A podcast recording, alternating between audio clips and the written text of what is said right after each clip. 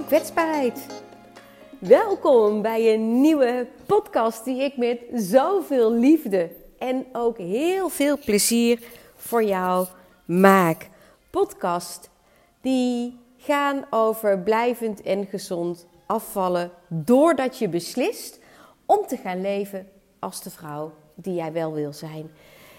Welkom, ik ben Claudia Vestus, gewicht- en hormoonexpert, maar vooral ook ervaringsexpert, want ik ben een ex-obese met een uh, verleden met een eetstoornis. Um, en ik gooide oktober 2013 voor de buitenwereld, out of the blue, het roer om. En nu is het een voorrecht dat ik daar andere vrouwen mee mag helpen om dit ook te gaan doen. En het is echt waar, hè? Alleen al het feit dat jij deze podcast luistert, die maakt mij ja, zo trots, zo blij, zo dankbaar. Dat, dat kan ik bijna niet onder woorden brengen. Het is echt gewoon, ja, ja, dat. Um, en in mijn podcast deel ik natuurlijk heel veel over wat te doen, hoe je het met eten doet, noem maar op. Ook met je mind, over hormonen, over van alles. Maar wat mij opvalt is dat zoveel vrouwen een bepaald schild om zich heen hebben, een soort harnas, dat het toch verrekte lastig is om daar doorheen te komen. En dat als ik bijvoorbeeld op uh, social media uh, een vraag stel, hè, dat deed ik ook van de week, toen zei ik van goh, hey, uh, waar loop je nou tegenaan op het moment dat je afvalt? En dan komen we, dan wordt het gedeeld. Dat vind ik echt bijzonder en echt zo krachtig. Maar vervolgens komt het, um, wordt het persoonlijk. Want ik weet ook dat als jij zegt waar je tegenaan loopt, bijvoorbeeld dat je toch s'avonds op je bank gaat zitten snijden, of dat je, dat je last hebt dat je partner aan de chip zit, of andere dingen. Of dat je misschien hè, denkt van ja, maar die wijntjes en andere dingen, die zitten me dwars, want die pak ik te veel. Zo kunnen het heel veel dingen zijn, hè? Dat op het moment dat ik dan eigenlijk zeg: hé, hey, wat is er echt aan de hand? Wat voel je dan echt? Dat dan de deur dicht gaat. En dit, ik, ik voel nu ook eigenlijk een keelte als ik dit zeg, omdat ik het natuurlijk ook zelf verrekte goed herken. Ik kon ook niet vertellen waarom ik dan stiekem in de keuken die snoeppot van de kinderen stond leeg te eten. Nee, dat gedrag dat stoorde me, maar een laag dieper kon ik niet komen. En dit is echt zo, zo bizar. En ik hoop dat jij dit herkent, want met wat ik nu ga delen, kun je daar tenminste iets mee. Want dat scheelt, dat snap ik, dat is er. Dat heb je voor die buitenwereld. Want het allerlastigste wat er is, is om je bloot te geven. Om kwetsbaar te zijn om toe te geven dat je het doet.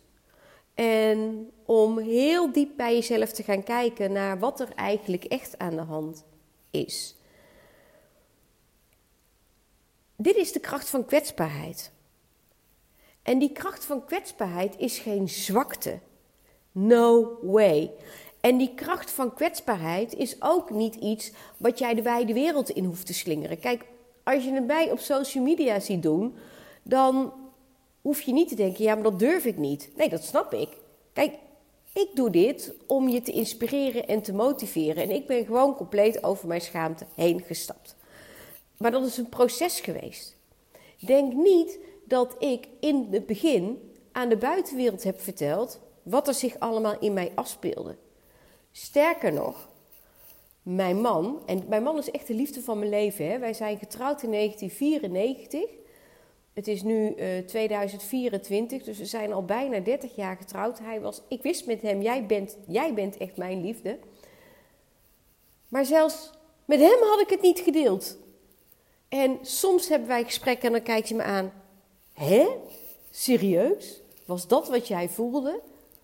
Denk ik, ja schat, dat was wat ik voelde, maar ik ben er nu pas aan toe om dit met jou te delen. Waar het om gaat, kracht van de kwetsbaarheid, is dat je het in ieder geval bij jezelf doet. Dat je bij jezelf is door dat schild heen gaat. Liefdevol. En gaat kijken, ja, maar wat is er echt aan de hand?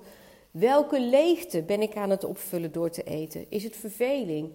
Is het balen? Is het frustratie? Is het gewoon, gewoon een, soort verdriet?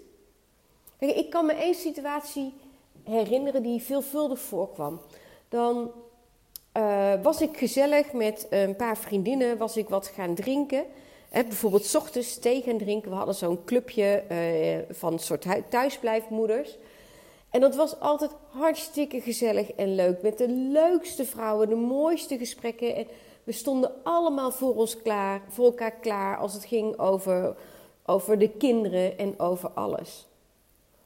Maar het probleem was dat in dat clubje vrouwen dat ik mezelf daar de dikste, de domste, de stomste, de, de loser in voelde.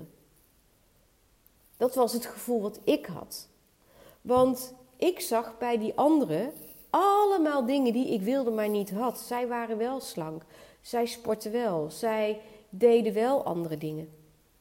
Zij droegen bepaalde kleding waarvan ik dacht, dat wil ik ook. En natuurlijk, je zag het niet aan mijn kledingstijl.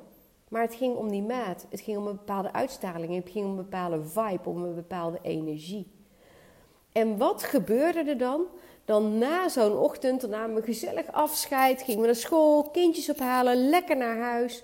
Kinderen gingen nog met elkaar spelen, die setting. En dan kwam er bij mij een bepaald gevoel op. En dat was het moment dat ik ging eten. En dan gaf ik die kinderen één of twee snoepjes met lekker zo'n beker drinken. Altijd met zo'n Ikea-beker, zo'n kunststof beker. Echt hilarisch. Iedereen had hetzelfde, hè? Ehm, en op het moment dat zij een snoepje hadden gepakt, dan nam ik de pot mee naar de keuken. Zeg ik, lekker van genieten jongens, hè? helemaal goed, dan ga je lekker spelen. Dan maak ik straks nog lekker een appeltje of fruit voor jullie klaar. En op het moment dat ik dat had gezegd, liep ik naar de keuken en begon ik zelf te snijden. En, maar dat, dat kwam dus voort, en dat is de kracht van kwetsbaarheid. Het toegeven aan jezelf. Uit een bepaald soort van, van eenzaamheid, leegte, uh, balen, frustratie, verdriet over dat wat zij wel hadden en ik niet. Die kracht van kwetsbaarheid, door dat schild heen gaan breken naar jezelf, gaat het cruciale verschil maken in lukt het je wel of lukt het je niet? Want als jij voor jezelf hebt aangeleerd dat je eten gebruikt als bijvoorbeeld troost of als vervanging of om een leegte op te vullen of om iets anders. Wat veel gebeurt, heel veel gebeurt. Of misschien ook eten omdat je bang bent om nee te zeggen, dat een ander er iets van gaat zeggen omdat jij een keertje iets niet neemt. Het maakt niet uit. Dat is aangeleerd gedrag. En dat ligt opgeslagen op onbewust niveau bij je. Daarin ben je onbewust bekwaam. Dus je kunt wel knijterhard werken aan die buitenkant, hè, aan dat oppervlakkige zeg maar. En daar bereik je echt wel resultaat mee. Maar als je niet gaat werken op die dieper liggende laag, op dat gedrag waar je onbewust bekwaam in bent geworden, dan gaat dat je uiteindelijk altijd nog nekken. Altijd. Want het brein heeft als doel homeostase, balans. In het brein speelt zich altijd een spel af tussen neurotransmitters, dat zijn breinhormonen. En die gaan heel plat gezegd, ik hou je lekker van Jip en Janneke, over geluk en over stress.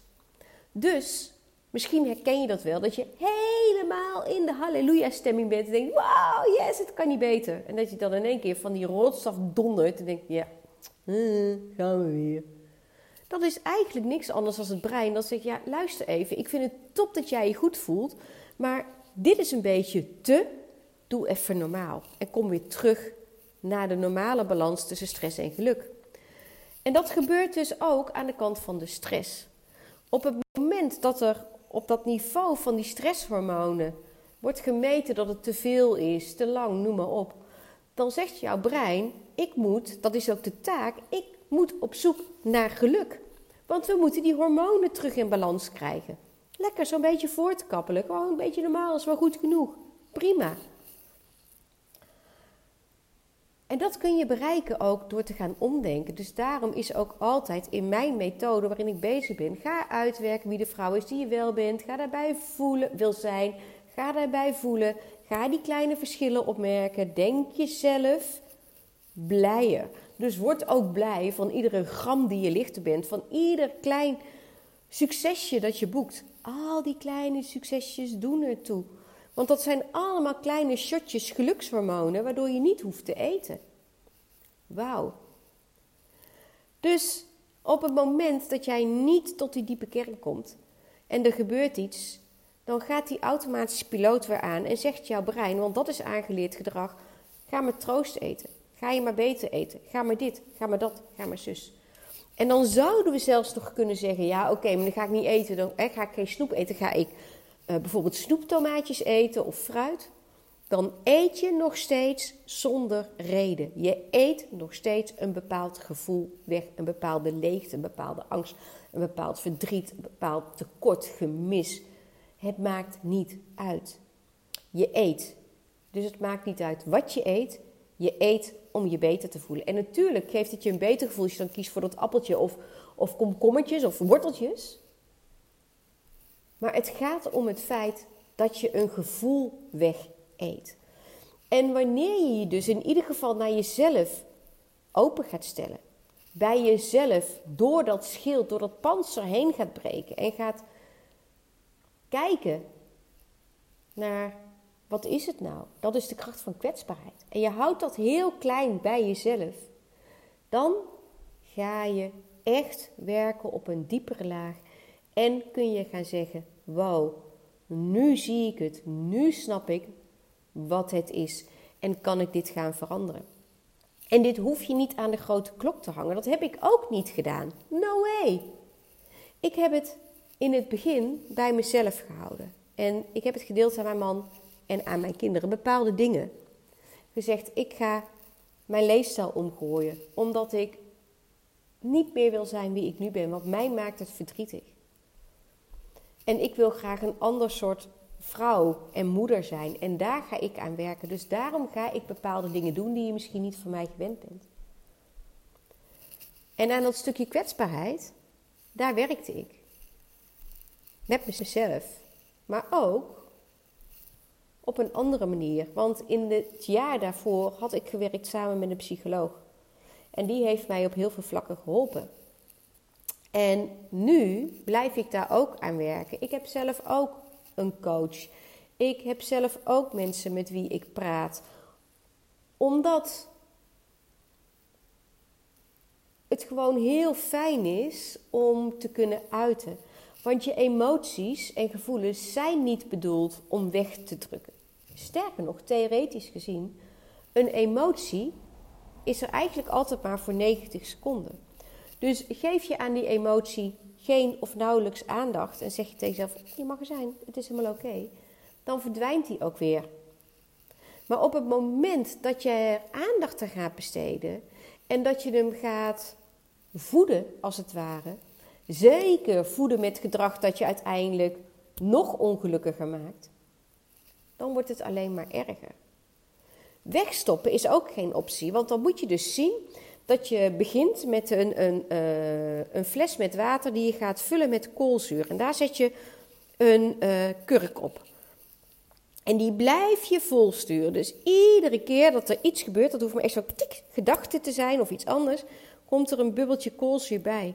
En op een gegeven moment wordt de druk in die fles wordt zo groot dat die kurk eraf spat. En dan krijg je echt dat, dat effect. Zie je dat voor je?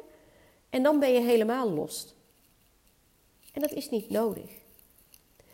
En dit is wat ik heel graag met jou wilde delen in deze podcast. Die kracht van kwetsbaarheid.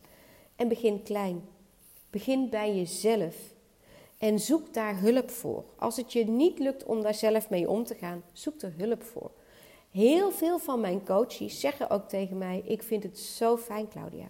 Want bij jou kan ik tenminste wel mijn verhaal vertellen, want jij begrijpt het, jij weet het. Jij hebt het meegemaakt. Jij bent niet dat sprietje, dat hele slanke vrouwtje, maar jij hebt het zelf ook doorleefd. En door die kwetsbaarheid die gedeeld wordt, kunnen we tenminste meters maken en kunnen we steeds verder komen. Ik geef mijn klanten daar ook echt altijd complimenten over. Zeg ik dank je wel dat je je zo kwetsbaar hebt opengesteld. Dat je het hebt laten zien, want nu kunnen we tenminste echt stappen gaan zetten. Misschien wel leuk voor jou om te weten waarom mijn coaching zich eigenlijk richt op die 40-45 plus vrouw. Dat komt, en echt, het gaat steeds meer richting 45 plus 50 en zelfs echt vele malen ouder. Hè? Want mijn oudste klant, ja serieus, wij zijn klaar met het traject, maar zij was 75. En zij zei, ja maar ik word 100.